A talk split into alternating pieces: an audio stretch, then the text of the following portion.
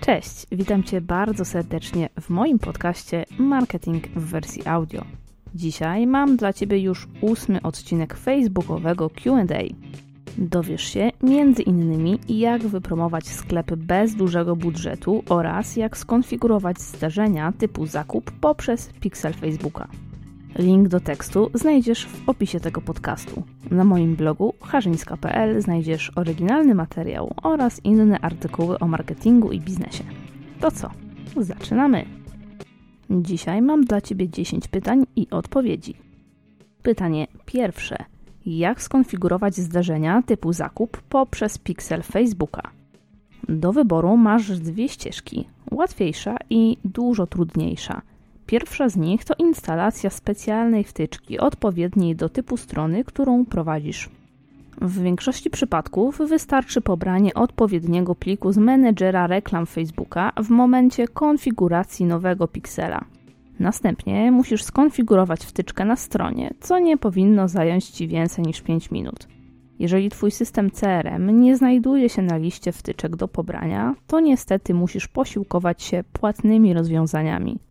Drugi sposób opiera się na ręcznym wklejeniu poszczególnych zdarzeń standardowych, takich jak dodanie do koszyka, rejestracja, wyświetlenie produktu, zakup itd. Tak Jeśli nie zależy Ci na sczytywaniu wartości zamówienia i nazw produktów, to potrzebujesz jedynie wgranego kodu Tag Managera, by samodzielnie skonfigurować konwersję.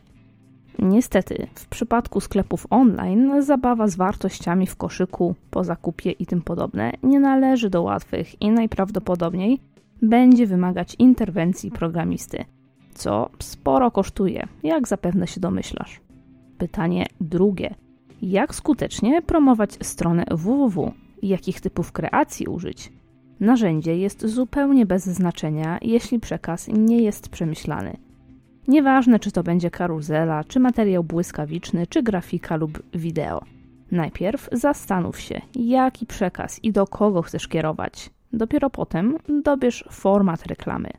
Skup się przede wszystkim na tematyce promowanej strony i grupie wymarzonych odbiorców, czyli personie. Bez tych podstawowych danych równie dobrze możesz zadać pytanie: Chcę dojechać do pracy, jaki środek transportu polecacie? Pytanie trzecie. W jaki sposób reklamować sklep z winami naturalnymi w Paryżu? Autorka tego pytania w poście podała dość dokładne informacje o tym, do kogo chce skierować ofertę oraz czym charakteryzuje się okolica sklepu. Dobry research ma ogromne znaczenie w przypadku jakichkolwiek działań marketingowych. Popełniła jednak poważny błąd. Swoich konkluzji nie użyła w reklamie. Pamiętaj, Twoja wiedza o kliencie i otoczeniu jest kluczowa, nie z powodu Twojej ciekawości, a dlatego, że wymiernie przekłada się na późniejszą efektywność reklam. Nie bój się więc w kopii odnosić się bezpośrednio do tego, co uważasz za ważne dla Twoich odbiorców. W następnej kolejności ustal cel reklamy. Inaczej wyglądać będzie kreacja mająca na celu nakłonienie odbiorców do wzięcia udziału w degustacji w porównaniu do reklamy, która ma jedynie przybliżyć sklep i wzmocnić rozpoznawalność marki. Również cel reklamowy w obu przypadkach będzie inny.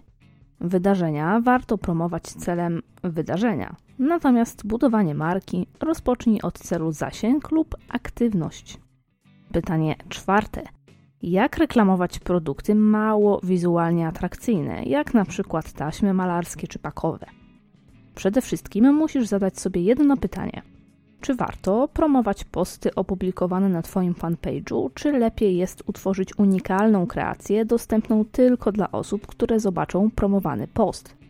W tym pierwszym przypadku zastanów się, czy Twój przekaz jest ciekawy dla potencjalnych odbiorców. Postaw się na miejscu pana Janka, który zajmuje się remontami. Co go bawi, co denerwuje, co zadziwi.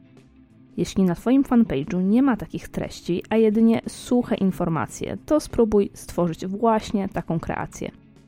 W przypadku taśm malarskich możesz pokazać efekt po jej zastosowaniu versus efekt bez jej zastosowania. Z pewnością ten drugi nie tylko będzie wątpliwy wizualnie, ale i dość zabawny. Jeśli chodzi o taśmy pakowe, to posłuż się swoją kreatywnością. Może da się użyć ich jako ciekawy sposób na upiększenie pudła z towarem? Zamiast owijać bez ładu i składu, pokuś się o ciekawy wzór, mikrorysunek i tym podobne.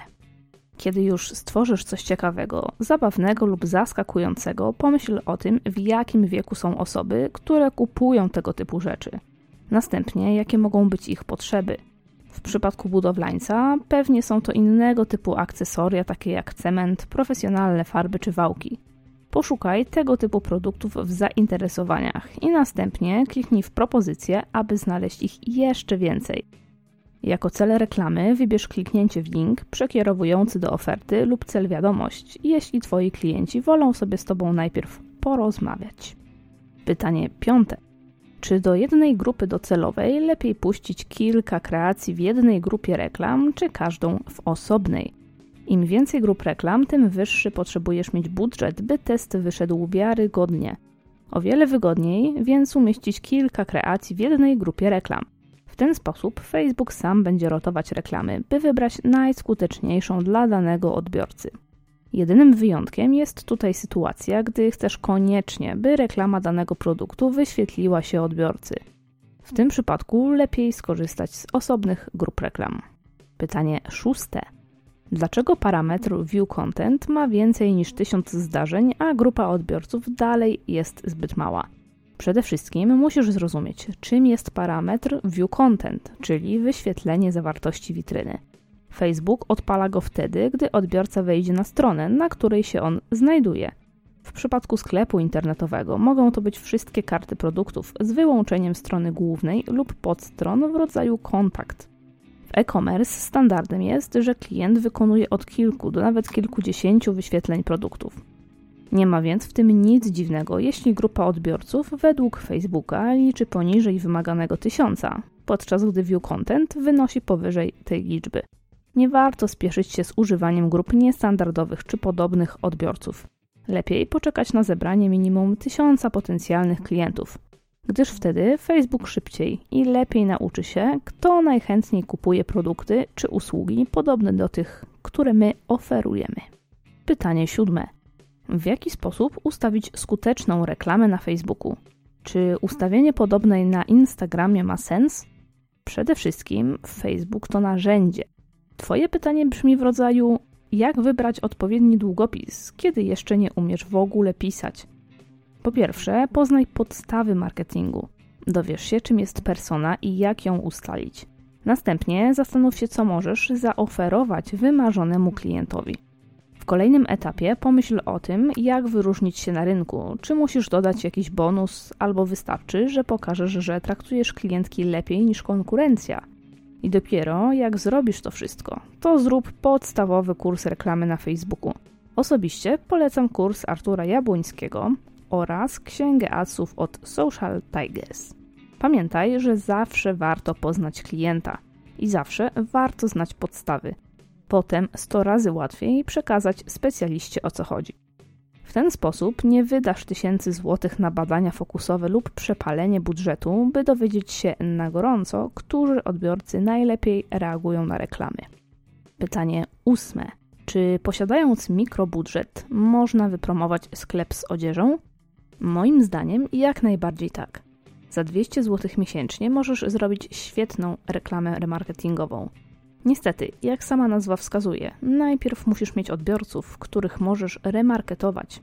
Oznacza to, że musisz mocno działać organicznie na fanpage'u, by budować rozpoznawalność marki.